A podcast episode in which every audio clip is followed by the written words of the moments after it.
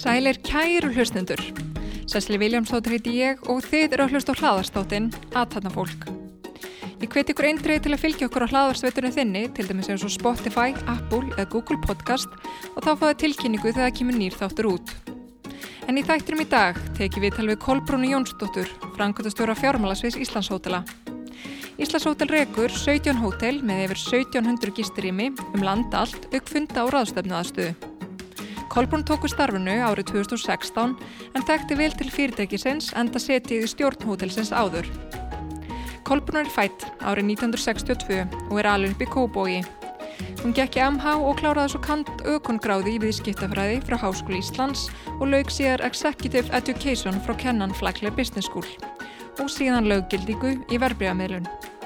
Kolbrún hefur meðal annars starfað sem fjármálastjóru húsasmiðunar, útibústjóri og forstuðumar bakvinnslu í Íslandsbanka, frangöndstjóru Vís og sem frangöndstjóri Kjölfestu framdagsjóðs. Kolbrún hefur einnig setið í hennum ímsu stjórnum fyrirtækja, til dæmis eins og hjá Íslandsbanka, Fastus, húsasmiðinni Senu og verið formar endurskoðanemndar hjá Saminniði Lífurusjónum. Já, hún situr ekki auðum höndum hún Kolbrún, en í dag fáum við heyra sögu hennar. Sæl Kolbrún og verðu hjartala velkomin í þáttinn. Takk kærlega fyrir það. Gaman hóa að vera með þér. Uh, ef við byrjum bara á byrjunni, hvað ertu alveg upp? Ég er alveg upp í Kópói. Í Kópóinum og svona hvernig voru asku áren í Kópóinum? Þau voru ljúf, finnst mér. Ég er, hérna, var alveg upp í Östubænum, það skiptur auðvitað máli á þessum árum hvorum megin gjárarinnar þú bjóst en þetta voru skemmtilega ár við byggum á nokkrum stöðum eh, ég og fórildra mínir og sískinni en og bara sem dæmi að það sem ég bjó lengst af að það var hensnabú við hliðina, þetta er það langt síðan og við fengum egg þar sérstaklega á jólum þegar erum eggjaskortur alltaf á, á, á þessum, þeim ástíma mm. Og hérna hvernig batn varstu á þessum tíma?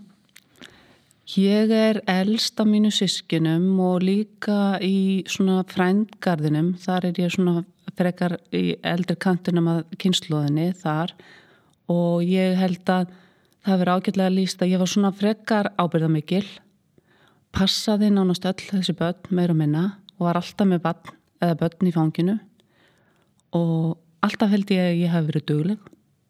Ég var í sveit líka sem grekki og var þar að passa börn og líka að vinna en, en hérna var svona ykkur viðvik allavega í sveitinni þannig ég held að ég hafi verið bara nokkuð svona já, þægilegt bad það verið ekkert verið kvartað undan mér Nei, það er gott já. En hérna, ertu eitthvað svona alin upp í hérna, upp í viðskiptum eða eitthvað þannig út af því að það er náttúrulega og, og við komum að því síðar svona leiðin sem þú fetar Nei, langt í frá. Mikið að innamennum í kringum mig, jú, en þeir störfuðu nú, jú, einhver leiti sjálfstætt, uh, en, en nei, það er ekki mikil viðskipti kringum mig. Nei. nei. En hérna, í hvaða mentaskóla færðu síðan? Ég fer í mentaskólan við Hamralið. Það kannski gerist, það hefur kannski leiði beint við að fara úr, úr grunnskólanum í, eða úr gagfræðskólanum í MK sem þá var komin, en Þarna hefur vorildra mínir flutt í Garðabæ sem ég fannst náttúrulega algjörlega fáranlegt. Það voru ekki eins og samgöngur í þetta sveitafélag sko. Þannig að þetta, það var svona búið að slíta þá ákveðna rættur og ég hef sjálfsagt alltaf líka verið svolítið sjálfstæði í mínum minni ákveðan tökku. Þannig að ég ákvað fyrir í MH. Kanski var þetta eitthvað smá mótrói, ég veit það ekki. En það var heldur engin að velta því fyrir sér í hvort ég ætlaði skóla eða í hvaða mentaskóla, því síður. Mm. Og hérna, hvernig voru mentaskóla árin í MH? Já, ég kannski aðeins á að koma að því þá líka ástæðan fyrir að ég fer í framhalsnám er kannski svo, þessi ríka svona hugsun hjá mér að ég ætlaði að standa á einn fótum. Ég ætlaði að sjá fyrir mig sjálf, uh, ég ætlaði að vinna sjálf, ég ætlaði helst ekki að gifta mig og ég helst ekki að eignast bönn. Ég bara að sjá fyrir mér. Þess vegna fer ég í mentaskóla og hérna MH er svona frekar fyrir álslindur uh, mentaskóli sjálfsagt enn þann dag í dag en var ennu frjálslindari þá heldur en við sjáum mentaskóla í dag. Og það hendaði mér ágætlega það var þetta áfangakerfi þannig að þú stjórnaðir svolítið námsraðanum. Ég byrjaði að, að um jól og klára svo á þreymur hálfu ári. Og er á, svo það komi líka fram þá var ég á, á félagsfræði braut allsingum viðskipnu þar heldur frátt verið að það hafi svo leiði fyrir mér síðan mér mm. Vartu mikið í félagslífinu og, og þannig? Nei, nei. Meira bara sinna skólanum? Skólanum og vinna. Ég vann líka uh, í, með mentaskóla og það kannski líka aðeins að við töluðum um æskuna. Ég var alltaf að passa börn sem krakki, fór svo að vinna í sjóppum og mentaskólanum og svo setni í háskólanum. Ég vann alltaf með skólanum. Þannig að ég byrjaði fremur snemma að sjá fyrir mér. Uh, og ég man líka eitt atvik úr sveitinni þegar ég fekk fyrstu svo kallu laun eða, eða greiðslu fyrir að vera í sveitinni eða hjálpa til. Og ég var ótrúlega stolt þegar ég kom heim með penningana það haustið. Þannig að ég hafi gert alveg stórkoslega luti hafi unni fyrir mér. Og þá er ég svona 9-10 ára. Já, þá er hérna fyrsti launaseðilin komin Já, já Þannig að þú byrja að snamma. En, en hérna, varstu í ykkur svona tómstundum bara veist, með náminu eða rauninni þegar þú varst yngri? Nei, mína tómstundur voru bara vinnan. Ég var með krakka að passa Já. og hérna og svo fór ég að vinna í sjóppu og svona nei, það var ekki tími. Ég var aðeins, einn vinkonu mín var í handbólta í Kópavóinum og ég mætti á nokkra efingur var stundum eitthvað svona bara hlaupa með og dútla með. Mm -hmm en, en ég mátti ekkert vera því Nei, nei, akkurat Segðan færði í virskitufræði í Háskóli Íslands Hvernig kom það til? Já, það ég var í MH eins og ég sagði og ég horfið svolítið til hagfræðinar á þeim tíma og hugsaði mér hvort ég ætti að fara í hagfræði og, og jafnvel sálfræði ég var eins og heyrir ég ekkert neitt örg á því hvað ég ætlaði mér að verða því ég er því stór þó, þó svo ég ætlaði að sjá fyrir mér. Og ég man að ég tala við námskráðgjafa e, í háskólanum og eftir að hún er búin að hlusta á mig þá sérum ég fyrst bara be, leikja beint við fara í viðskiptfæraði og ég bara gengdi því. Þetta var, þetta er kannski ekkit skemmtilegt að segja frá síðan eftir að það var engin romantík og ekkit myrkild og baka þessu hugsun sko, ég bara gengdi fór bara í en maður minn fór, e, þá er ég hérna, komið kærasta sem er maður minn í dag við fórum bæði vorum saman í, í viðskiptfræðinni mm. Og hérna, hvernig leiðir í viðskiptfræðinni? Komandi mm. úr MH og svo bara Já, þetta er mjög ólík mjög ólík hérna, bæði ólíki skólar, skipula og annað allt mjög gamaldags í, í Háskóla Íslands en mér leiði mjög vel. Og námið fannst mér skemmtilegt að höfða það til mín. Ég hef sjálfsagt verið meira á raungreina línunni að jafna þið og gerði mig betur grein fyrir því þannig á háskóla orðan það er líka stundum sagt að þá fyrst byrjir maður nú að læra. Sittast niður og læra. En það er svona lág við vorum auðvitað gríðarlega mörg á þessum tíma 200 og eitthvað. Það var stór árgangur. Uh, við höfum að vísu tekið okkur aðeins frí ég og maður minn áður en byrja, við byrjum í háskólanum. En byggum líka vestur í bæ þannig að það er held að vera í skólan stutt fyrir okkur að vera í háskólan en e, nú dætt ég aðeins út hérna það sem ég ætlaði að segja um háskólan það, það voru skemmtilegi kennarar á þessum tíma. Gilvið Þótt Gíslason e, hérna fyrirvændi mentamálar á þaðra meðal annars Átni Viljánsson Mikil Frumkvöld og skemmtilegir karakter en, en við vorum mörg, já, það var það sem ég ætlaði að segja og fjó, þá var viðskiptafræðin kandökon uh, próf eða ná, það var fjögur ár og þráttur um byrja 200 þá útskrifust við fjórum árum setna 32 mm. það var freka mikið brottfall já. á þessum tíma Akkur heldur það sé? Ég veit ekki hvað það var af hverju, en auðvitað voru sumir sem að e, tóku það setna, tóku það á lengri tíma. Aðri fór kannski yfir í annan nám. E, það, en það voru margir sem að held ekki áfram. Mm -hmm. En það voru líka, hérna, líka fáar konur hérna, í viðskiptufræðinni á þessum tíma, ekki satt? Jú, við vorum ekki margar. Hef, við vorum bara allir hefur ekki verið svona 20% á hóknum eitthvað svolítið, ég geti ímynda með það. 20-25% það þótti, þetta var svona kalla og hafði kannski fram að þessu verið svona nám fyrir þá sem voru kannski svolítið að fara að stýra meira fyrirtækjum sem slíkum en ekki að vera í fósfari fyrir ákveðna þætti innan fyrirtæki eins og fjármóla eða mannus eða stjórnunar eða ekstra reyningar og, og svo framvegis. Mm -hmm. Þannig að þar sem að fjölu og Íslandu voru líka mun mun minni á þessum tíma. Mm -hmm. En hvaða fag hittlaði mest hérna, innan viðskiptafræðinar? All, þarna, kom, þarna var mann kannski ánum svolítið sjálfstæðir í hugsun hvað maður vildi gera. Það voru fjármálun og alltaf bara fjármálun sem áttu hugminn bæði láða vel fyrir mér og mér fannst það skemmtilegt. Akkurat. En svo eftir háskólan, hvað er svona fyrsta starfið? Já, aðeins kannski klárum, ég langar að segja frá því að, því að það er svona, segir kannski sína sög að því við vorum svo fáar þessar konur að ég verð ófrisk af dóttur minni, fyrsta bannir mínu á þessum tíma. Og það var enginn að hugsa á þessum nótum.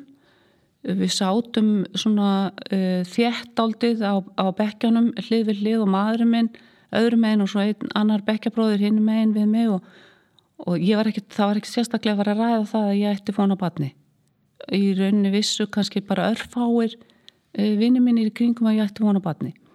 Svo gerist það að ég á dóttur mín að fimm vikum fyrir tíman og fer upp á, á hérna, fænga, upp á landsbytala, fængadeld og, og á hana í mitt á eldi á sunnudegi, sem ég þá eða, eða lögati annarkort og maður minn mæti svo í skóla á mánd og þá segir bekkjabróður okkar sem satt í hljónum og hvað er kóla? Já, hún er upp á fængadeld ha, var hún ófrísk? Já. En, en já, þannig að bara til marsum þarna voru ekki margar konur og það var ekki verið að eh, hugsa um batnegnir eða neitt slíkt það var ekki mikið verið að spá í þessu. Nei, nei, nei, nei. sem betur verið þá voru við aðalega að hugsa bara um námið sem var uh, mjög áhugð en fljóðlega eftir ég hætti í uh, sem skláraði við skittur hæna ég var búin að vera að vinna hjá lítilli held Veslun en fljótlega eftir það að þá ræði ég mig sem fjármálastjóra hjá húsasmiðni sem var bara á þessum tíma þótti bara mjög flott að komast svona, hjá svona, að hjá svona stóru félagi.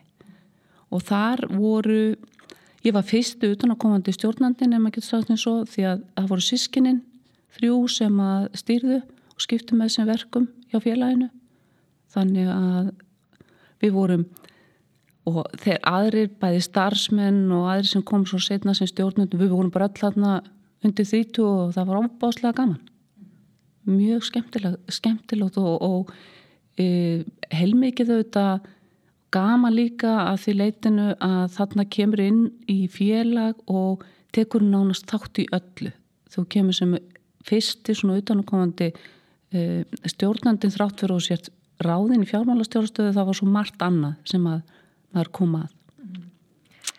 Hvernig var húsasmiðan á þessum tíma? Hún var fyrst og síðast hérna, að selja bygginguvörur og þar var bygginguvörur deild. Eh, stóra veslunni skútu og ég var ekki risin. Það var eitt af þessum verkefnum sem ég tók þátt í.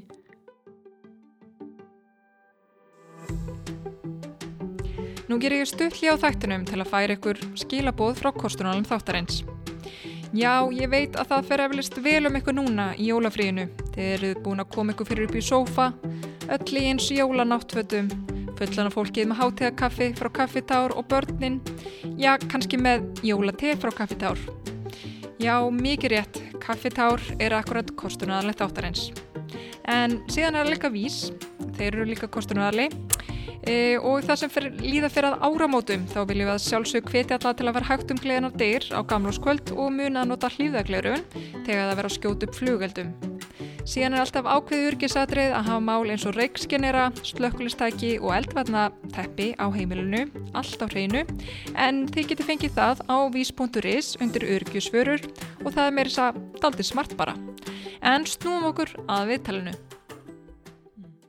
En þið voru líka í lánastarsami, ekki svo alltaf? Jú, uh, á þessum tíma að þá uh, vildu bankarnir, eða það, bankarnir hafðu kannski ekki uh, tækifæri til þess að lána og það þótti nú svona byggingaðgeirin þótti nú daldum svona áttu sækjum uh, geiri þannig að við lánuðum gríðala mikla peninga til byggingavertaka og sem dæmum það þegar ég svo hvað, um 7-8 ára setna hætti húsasmiðinni þá er útlánasapn húsasmiðina sem ég held einu utanum í rauninni mun herri fjárhældun þegar ég tek við tveimur útubúum hjá Íslandsbanka.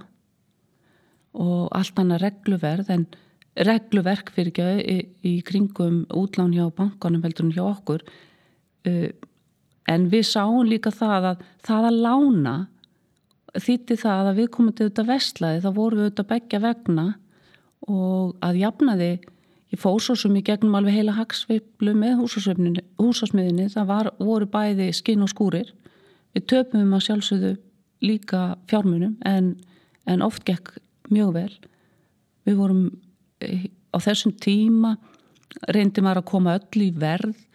Ef einhver verðtak ef það gekk illa hjá okkur um verðtaka þá var farið og sótt bæði timbur og játn og reynda kreditfæri upp í skuldir.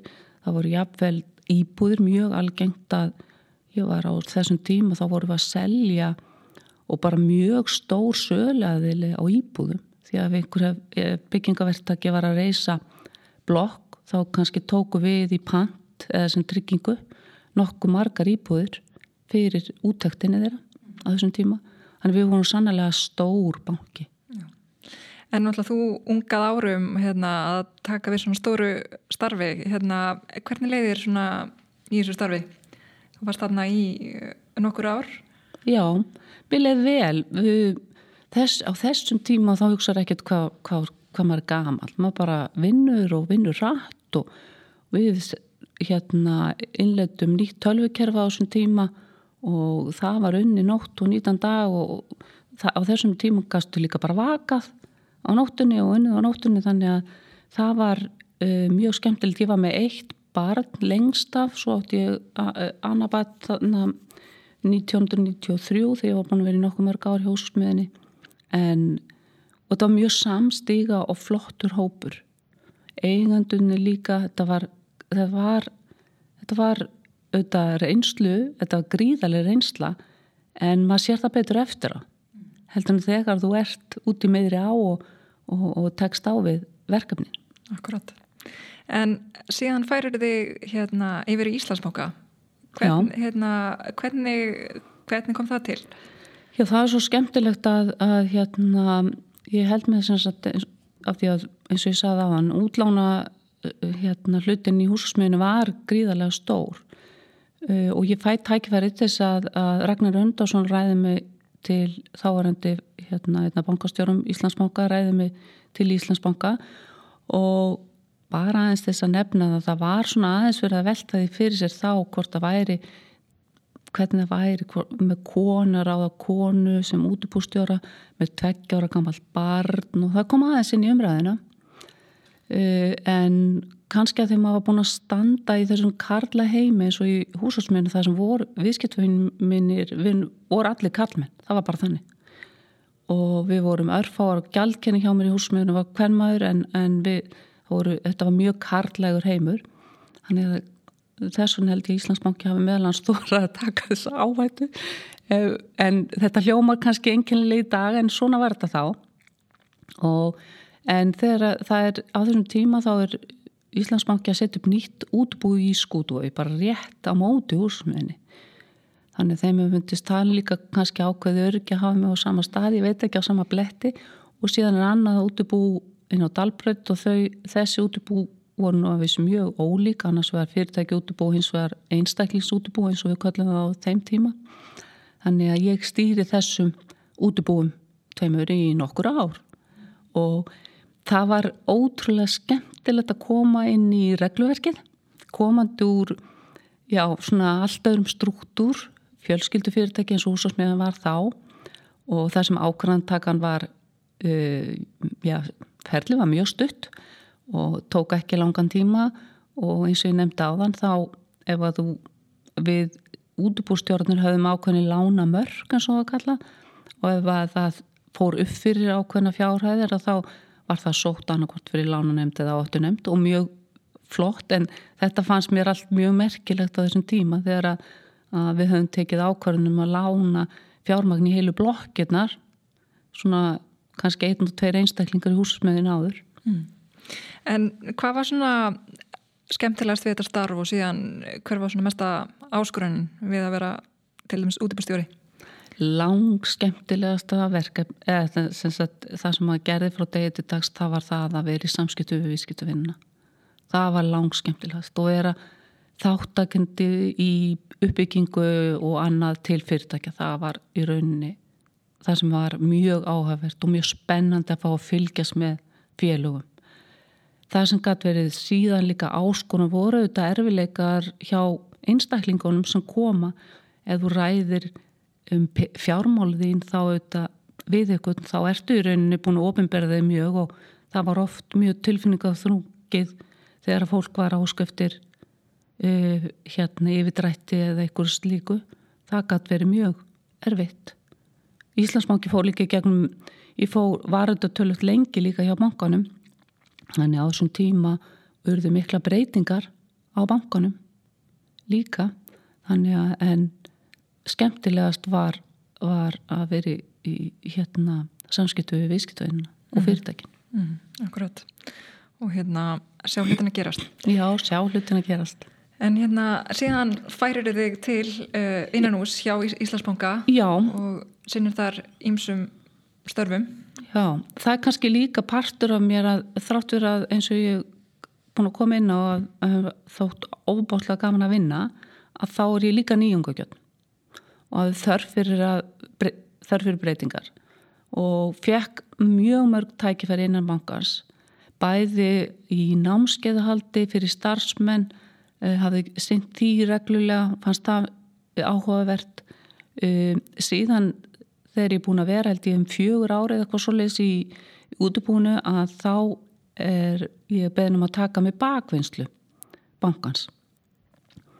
Og það var þá var, mér fannst það líka mjög áhugavert að þá svona hafði maður þessa heildar yfir sín komand úr fjármálastjórastöðunni að þá sá svona hafði maður heildar yfir sín og betri yfir sín yfir rekstur bankans. Mér fannst það skemmtilegt. Á þessum tíma er líka þetta er kringum rétt fyrir 2000 að þá er FBA að koma að inn og ég sa, við samiðnum bakvinnslur þessara tveggja. Annars vegar Íslandsbanka og svo FBA Þetta var bakvinnsla bankansir á þessum tíma eitthvað um 100 starfsmenn eitthvað svo leiðs uh, og við fluttum líka starfseminn, hún var í gamla Vestlanabankahúsnaðinu í bankastræti upp á höfða. Og þetta voru allt áskoranir en, en, en gríðalega skemmtilegt. Akkurat. Og hérna þarna á þessum tíma þú er þarna hjá Íslandsbanka til uh, ársins 2008 þannig að þú svona, svona er þarna í kringum hrunið. Hvað varst að gera þá? Já, eftir já, því að það þráttur að hafa farið í þannig og stýrt bakvömslinni þá heitlaði mig alltaf þessi samskipti við, við viðskiptöðunina þannig ég saði alltaf ég oftur að fyrir aftur í útubú og það er það sem gerðist. E, ég hefði nokksunum af því að þá var ég búin að búa í Garðabæin okkur tíma sjálf og það var svona búið ámálgaða við mig í nokkuð skipti hvort ég vildi taka að mér út í Garabæ og geri það svo ykkur tíman um 2004 ef mann rétt og er svo einmitt hérna, í nokkur ár í, í hérna, bankunum er þó hægt þegar fyrir hrun, aðeins fyrir hrun en á þessum tíma er, er mikil gerginu bankunum Eh, svo kvöldu mín í bankakrísa er þarna á undan. Nei, nú er ég, nú er ég aðeins ég ætla aðeins að fá spólu tilbaka. Mm -hmm. þannig að ég er búin að gleyma öðru verkefni sem tókaði já, því að þegar ég hætti í bakvinnslunni þá fer ég og vinni með Bjarni Ármars í hérna stefnumótunarvinnu. Og þá er bankin að saminast hérna sjófu á almennu meðal annars.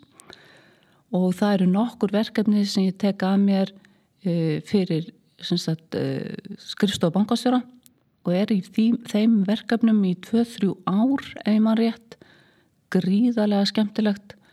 Og það var bæði ofbóslega mikil umsvið bankin kaupir þá líka banka í, í Noregi þannig að það þurfti að vera sé, ákveðin samþætting uh, við Íslandsbanka og hluta af þessum verkefni voru verkefni sem við vorum að leiða sem ákveðin hópur.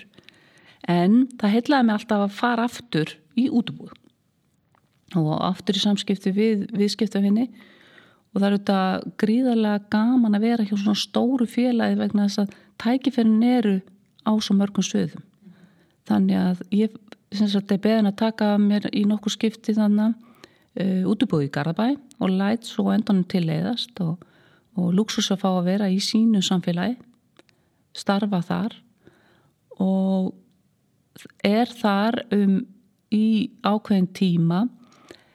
Það verða þarna mikil umrót hjá bankanum. Bjarni Álmarsson hættir þarna april 2007 og svo leiðs þannig að aðeins fyrir raun og við finnum alveg fyrir því að með nýjum eigundum að þá er skipula og stjórnum svolítið öðruvísi.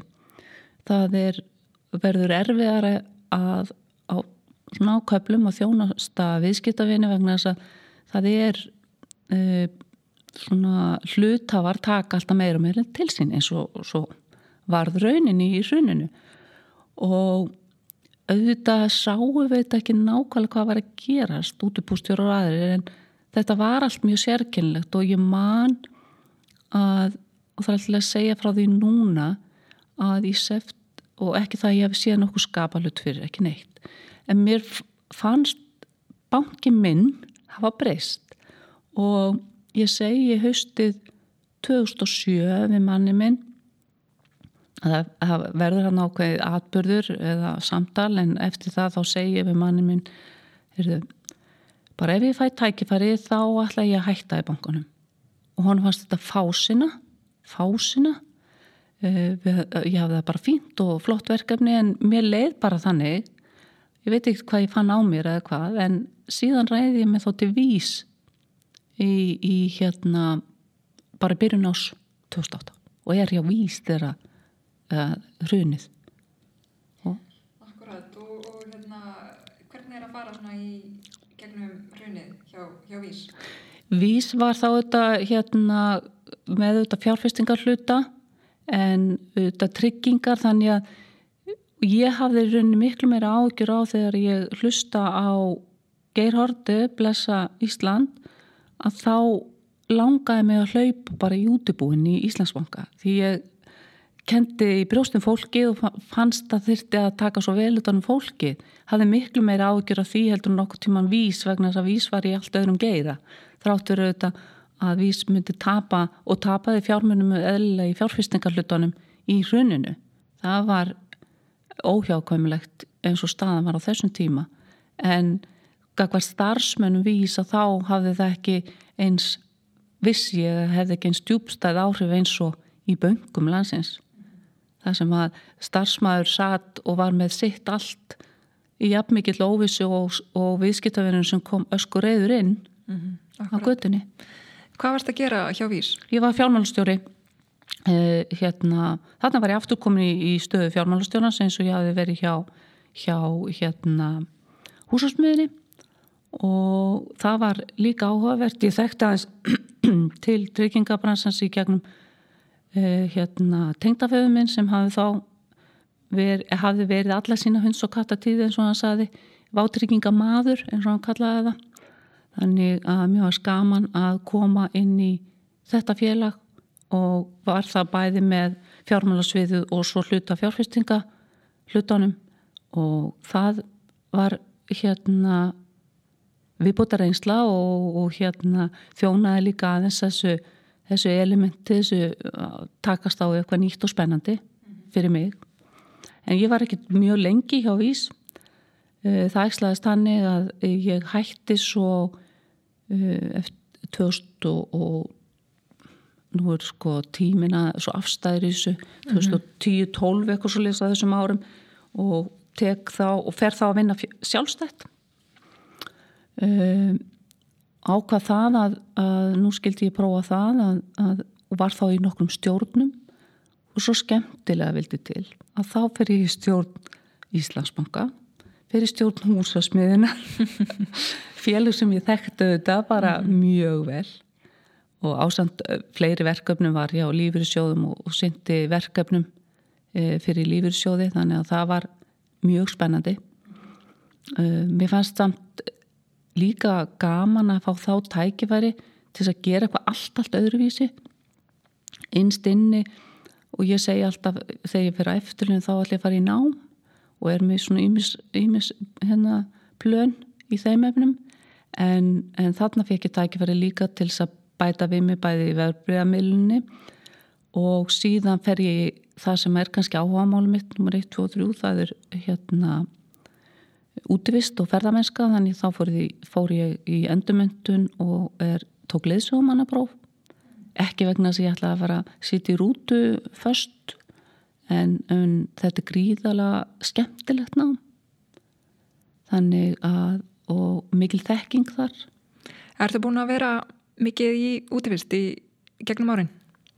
Já, ég var, við vorum það hjónin sem stáðunum við uh, eignust krakkana þá vorum við tölvert í útvist og svo, fra, svo urður svona einmitt á þessum árum svona, og höfum alltaf á sumrin gengið mikið en síðan uh, er það 2012 sem að, að ég tek þá ákvarðun að nú skildum við gera eitthvað skemmtilegt og tóku þá hérna hjá ferðarfélaginu það sem hétt þá heitir núna 52 fjöll og þá er það eitt fjall á viku og síðan hefur í rauninni eitt leitt af öðru þannig að við hefum verið svolítið heilluð af þessu þessu sporti hvort sem það er að ganga fjöll vera skýðum eða, eða hjólum eða hvað þannig að það er mjög það er það sem að svona maður reynir að, að reyfa sig með Greit. þessum eftir dag sko. Vel gert.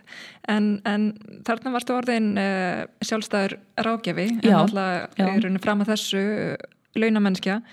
Hvernig var þetta tímabil svona í þínu lífi? Þetta er hans öðruvísi heldur hann að vera svona mennilegu launtegi? Já, þetta er holdt. Þetta er holdt.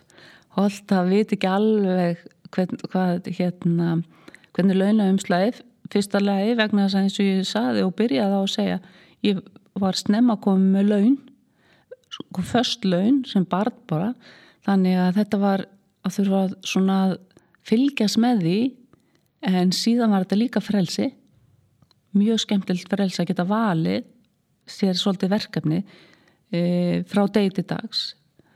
Vera ekki eins bundin e, hérna og það að vera í stjórnunastörfu eins og, og fjármálastjóri þá erstu í rauninni eða útupústjóri eða postuðumöður eða eitthvað slíkt hjá bankanum að, þú, þetta er mun, mun fast mótaður eldur en að vera ráðgjafi það er daldi mjög munur þar á. Þannig að það, það var spennandi og skemmtilegt að takast á við það. Mm -hmm. bæði að, að láta sér líða vel í því formi að því að hefði verið svo vön. Þannig að ég hefði gott að því, mjög gott að því. Mm -hmm. og það var gaman. En svo, svo er það þannig að uh, ég er svo fljótt að segja já þegar ég beðin um eitthvað, það er alveg mhm. ótrúlega fljótt eins og þetta viðtal. Já, já eins og þetta viðtal. Bara sjálfsatmál, já, já, hvað ætlar að spyrja mig um? En hérna uh, þegar ég ræði mig svo til kjálfestu sem er fjárfestinga það er 2012 eitthvað tíman á því, því bili þá fannst mér það spennand vegna að það var nýtt. Þannig er e, fjárfýstingasjóður vera að stopna fjárfýstingasjóð.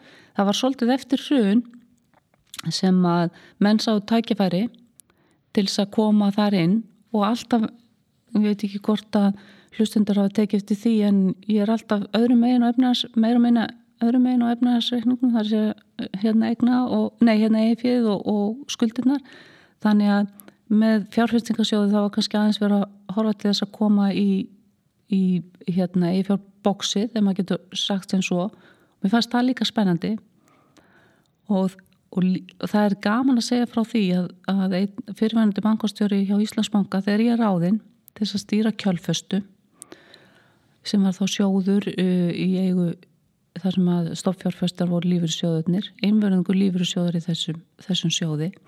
Þá ringdi við meitt uh, góður bankastjóri fyrirhænandi í, í mig og óskaði mig til hamingi með starfið og saði ég er svo ánæðar skildi vera ráðin lána manneska í þetta starf. Og hann vissi sem var að ég hafi verið meira minna lána spýtur í húsásmiðinni eða fjármagn þar og svo í bankanum auðvitað í, mikið í útlána hérna, sem útubústjóri að lána þeim megin. Þannig að hann sá þetta eins og ég, mm -hmm. að maður væri þarna megin efnahegsins, mm -hmm. reikningsins En hvernig heldur að, að þú horfir á, á svona fjárfærstika í raunni öðruvísi komandi úr þessum bakgrunni? ég get bara alveg sagt þetta að það, það, það var mjög skemmtilegt vegna þess að strax þá var tekinn svo ákvörðun og meðal annars að vegna þess að mér fannst að skipta máli að sjóðurinn tæki uh, ákvörðunum að fjárfesta í svona atvinnul, megin stóðum atvinnulífsins, þetta var ekki sko start-up sjóður eða neitt slíkt, það var ekki það, var ekki, hérna, það sem var lagt upp með. Og ég ræði það við fjárfæstningaráðið sem var skipað þá fulltrúum frá lífyrísjón hjá mér og þessi við horfum til þess að fjárfæsta í sjáfrótvegi og ferðaðiðnaði og það hefði mátt heyra sömnóld þetta þeim fannst þetta alveg mm. þetta væri svo söflökjandur rekstur mm. að þetta bara kæmi ekki til greina mm. Þetta var hérna 2012-13 Já, já, já, já á þess tíma Já og ég sagði bara ef ef við fjárfyrstum ekki í þessum geira sem eru megin stopnar hérna, tekistofnar landsins, hvar þá? Og sem betur verð þá tókst okkur að fjárfyrsta í meðalannans þessum en við vorum líka í fleiri félögum. Þannig að, að, að þetta var held ég líka reynsla fyrir þessar sem sátu með mér í fjárfyrstningaráðinu, ekki síður heldur en, heldur en fyrir mig. Mm -hmm. En hvað þarf góður fjárfæstika stjóri að, að, að, að hafa? Hvað er það sem skiptir mestu máli? Svona þegar kemur af svona sérhæðan fjárfæstikum?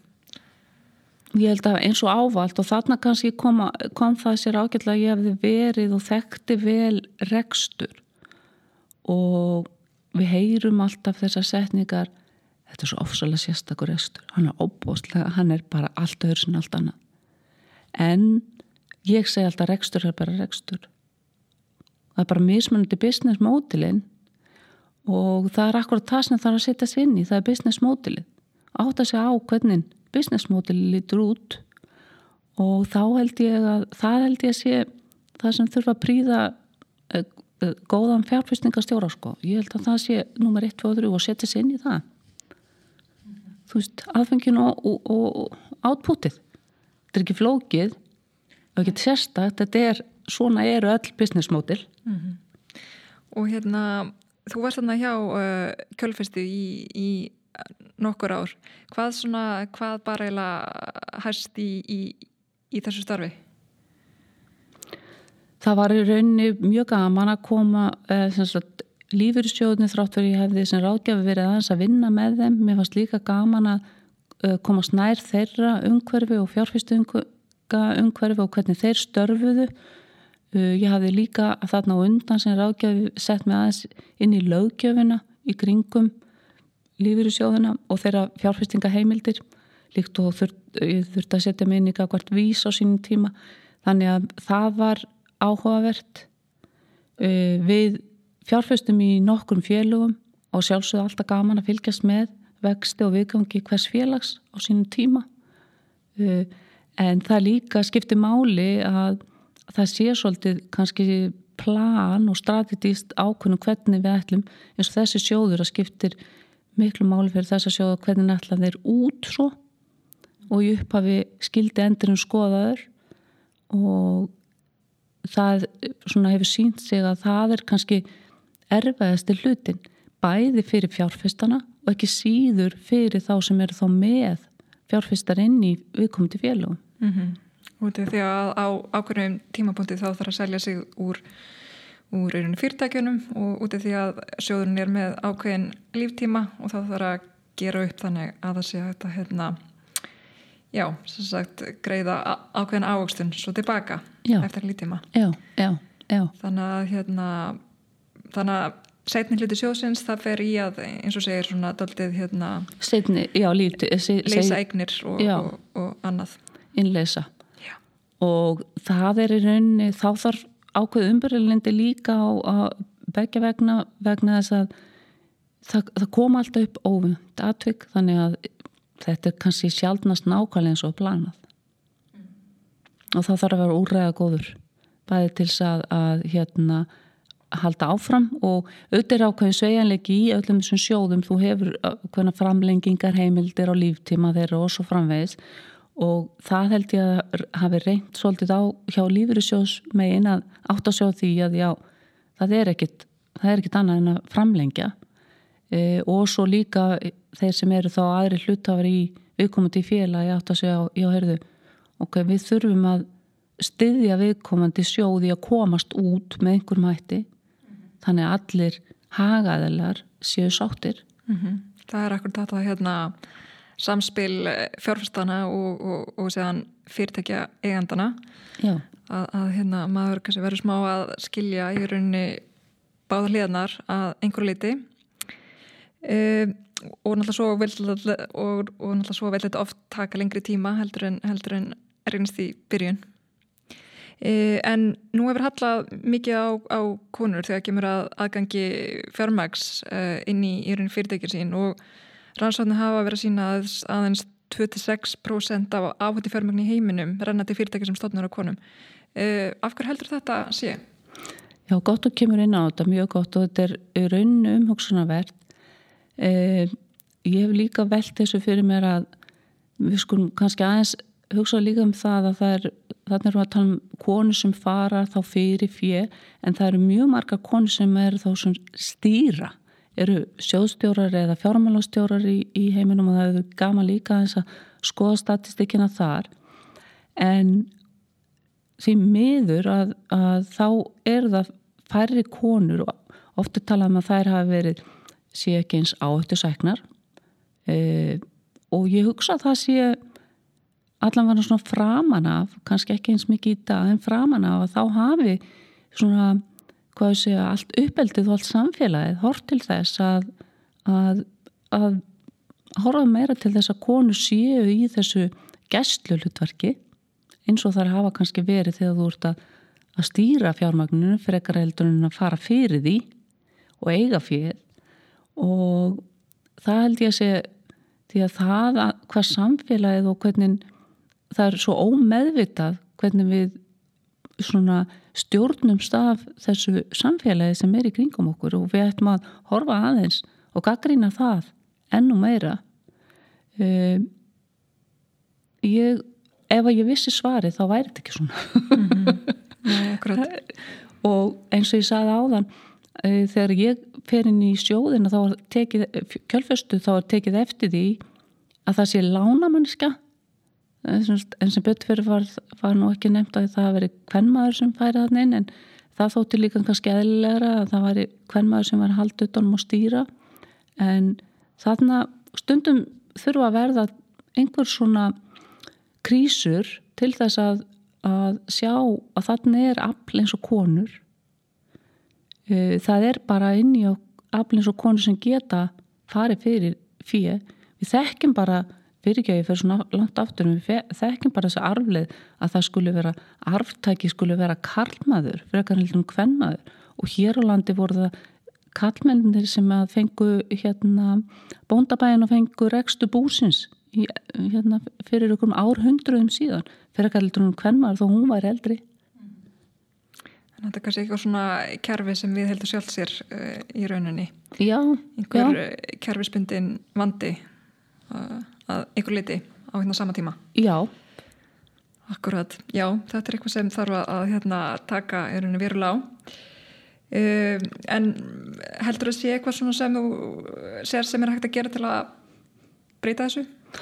já, ég held að eins og við sjáum í dag þá held ég að orð séu til alls fyrst og líka þessi kannski á þóra að ræða hlutina þóra að segja frá því að, að þetta sé ekki svona ég veit ekki hvort að þú manst eftir því en það var gríðarlega oft þegar að fyrir kannski svona 10-15 árum sem að það kom þessi orðræða.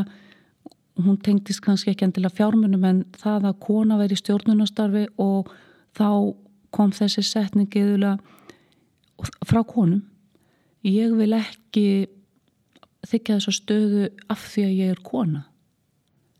Og þá sagði ég nú hvers vegna ekki ég var þá og nefndi þá sem dæmi ég er í fóreldraráði stjörnunar vegna þess að ég á barn í stjörnunni í Garðabæ.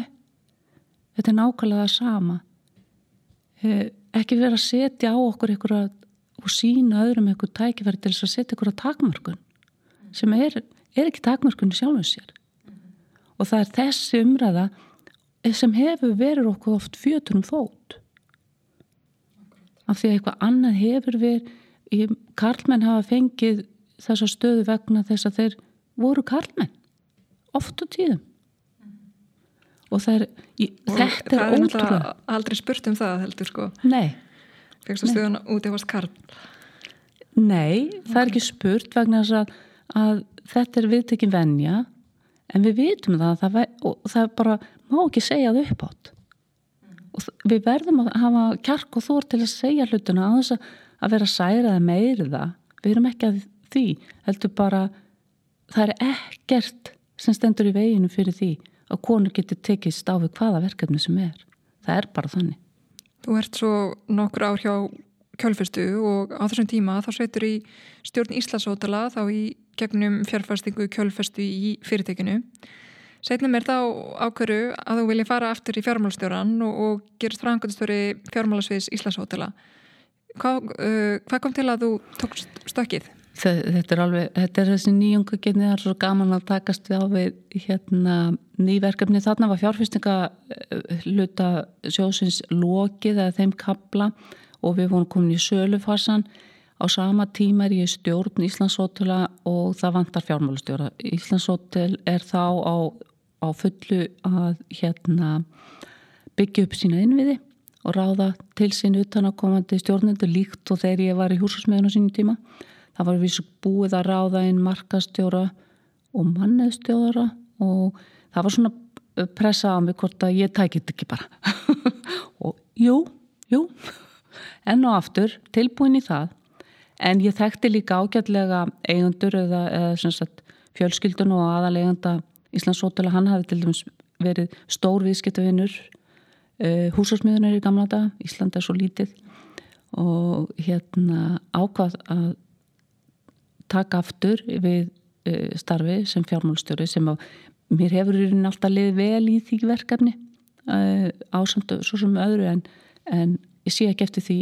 Þetta er búið að vera gríðarlega mikil uppbyggingar fasi þrátt fyrir COVID og ímsa erfileika sem er alltaf í business reglulega mismiklir af vísu Nú hef ég verið hérna, mikið að fá frumkvöla og forstjóra fyrirtæki í viðtal.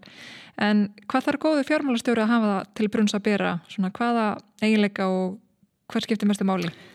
Ég held að sé auðvitað er gott að vera töluglegur og eitthvað slíkt en, en nummer 1, 2, 3 er að hafa heildar yfir sín og eiga auðvelt með að svona kannski fljúa svolítið yfir ef ég má uh, hérna útskýrta þannig. Að þú sjáir heildar myndina það er nummer 1, 2 og 3 og getur svona verið pínlítið arkitektur fram í tíman séð svona hvernig, hvernig lítur business, modelið út til skamstíma og til lengri tíma hvaða áhættur eru og byggja þannig upp svona ákveðin struktúr til þess að, að takast á við verkefni til frambúðar því við viljum auðvitað öll að fyrirtækin eigi sér nokku, nokkur ára tuga líf sko. mm -hmm. það skiptir mm -hmm. miklu máli En þetta samspil eh, framkvæmtastjóra eða er henni fórstjóra og svo fjármálastjóra hvernig hérna eh, getur þú líst því?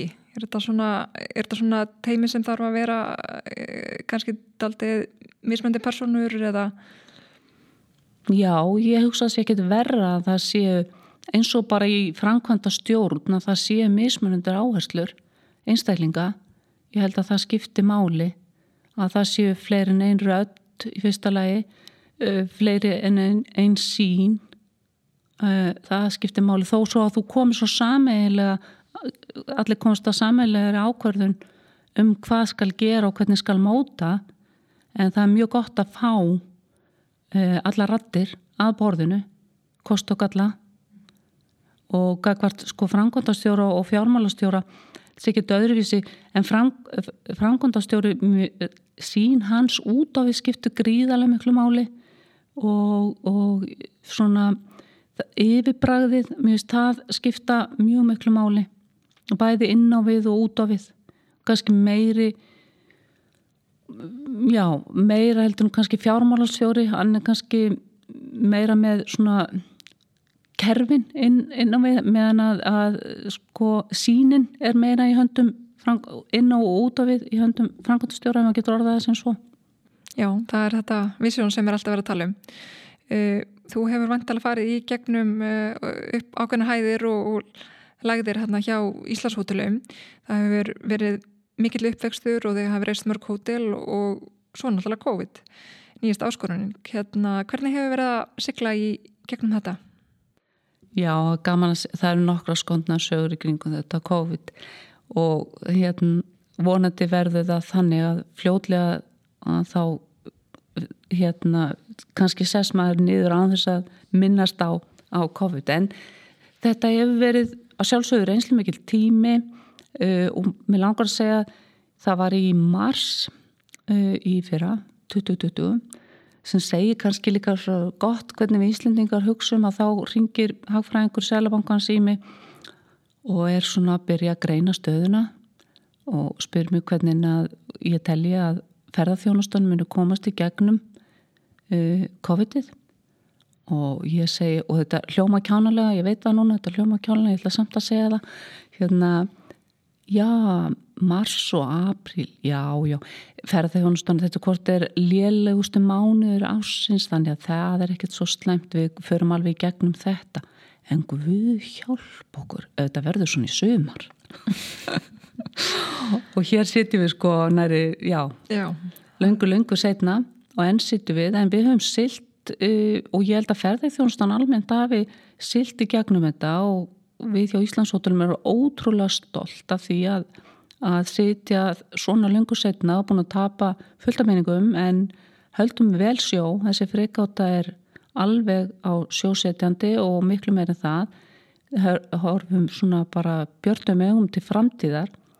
Og þá ætlum ég að segja eitt sem er að því ég er búin að fara rætt yfir þessa sögu og bara svo það sé líka sagt þú veist ég byrjaði að vinna nýja ára sko þannig að ég búin að gera svo mikið. En að ríkistjórn landsins hún hefur stutt við, við félög sem hafa orðið fyrir þessum áföllum í COVID-19 og það er svona kannski stöðningu sem á sér ekki hliðstæðu í íslenskri sögu. Og það skiptir og ég held að það er eftir að koma í ljós svona setna hvað þetta skipti gríðarlega miklu máli. Og bara til þess að setja það eins í samengi við þetta félag og ég er ekki uppljóstaninn að tölur aðra en það sem eru ópenbera félag eins og Íslandsótil tapar 2 miljörðum í fyrra. Við fáum beinan stuðning frá ríkinu upp á 800 miljónir þráttur í þetta þá er sem sagt 2 miljard að tapa þá erum við búin að fá 800 miljónir frá ríkinu. Við erum líka með óbeina stuðningi gegnum ymsar aðra leiðir hlutabóta leið frestun og greiðslum og annað. Þannig að þetta hef ég og, og man ekki eftir öðru eins að öðrum einn stöðningi og þetta skiptir gríðarlega miklu máli. Mm -hmm. auðvitað er þetta einn stæsta hérna atvinnugrein landsins og það bara, það bara þakka. Mm -hmm. Akkurat. Og hérna við bara vonum að það fara, fara allt á stað og, og, og hérna og hún haldi áfram að vaksa en, en hérna þú ert náttúrulega búin að vera að sinna mjög bara ábæraðar miklum störfum í gegnum tíman uh, hvað, hvað svona gerur til að slaka á? Hvað gerur utan vinnu? Náttúrulega fyrir, utan útivistina þá? Já það er rauninni fyrst og síðast núni setjumtíðin er að útivistin og og ég hef verið reglulega mynd á það eins og uh, svona í lífunu þá er ég nú svona já, frekar jákvæð og tilkiplega til að gera eitthvað og eins og frangat þjóru Íslandsótilega saði við mig núna því að til og með séð svo yfir, yfir þennan COVID-tíma þá var það frekar töff tímabil og svo saðan það er svo merkilegt með þig. Og svo ertu bara kannski eftir tvo klukktíma komin á fjall eða, eða bara vestur á Ísafjörð. Mm -hmm. Þannig uh, þannig að þú ferð hrætt yfir og, og náttúrulega er náttúrulega líka nýjingu gjörð eins og þú komst þenn á hann en ef þú værir ekki hérna í hérna virskiptalifinu eða í fjármálunum er eitthvað sem þú verður annars að gera hefur þú getað fitta eitthvað aðra, aðra leið? Já, ég hefði það og að því að ég sagðist alltaf fara í nám setna mér og það, það er ímislegt sem að mér hefur dóttið í hug ímislegt örgla alveg fáránlegt sko.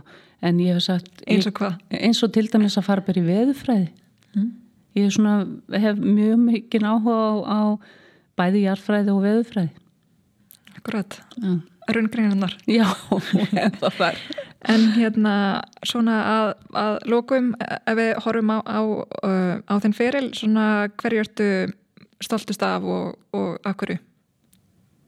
Ég er bara í rauninni stoltust af því að sitja hér í dag og, og hérna hafa kynst öllu þessu fólki og fengið að taka þátt í öllu þessum stóru og skemmtilegu verkefnum í gegnum tíðina. Ég er afar þakklátt fyrir það. Akkurat, frábært. Eh, Kolbrún Jórsdóttir, takk kærlega fyrir komuna. Takk fyrir mig.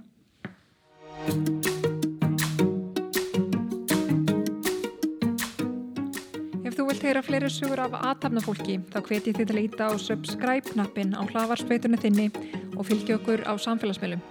Ekki missa af næsta þætti.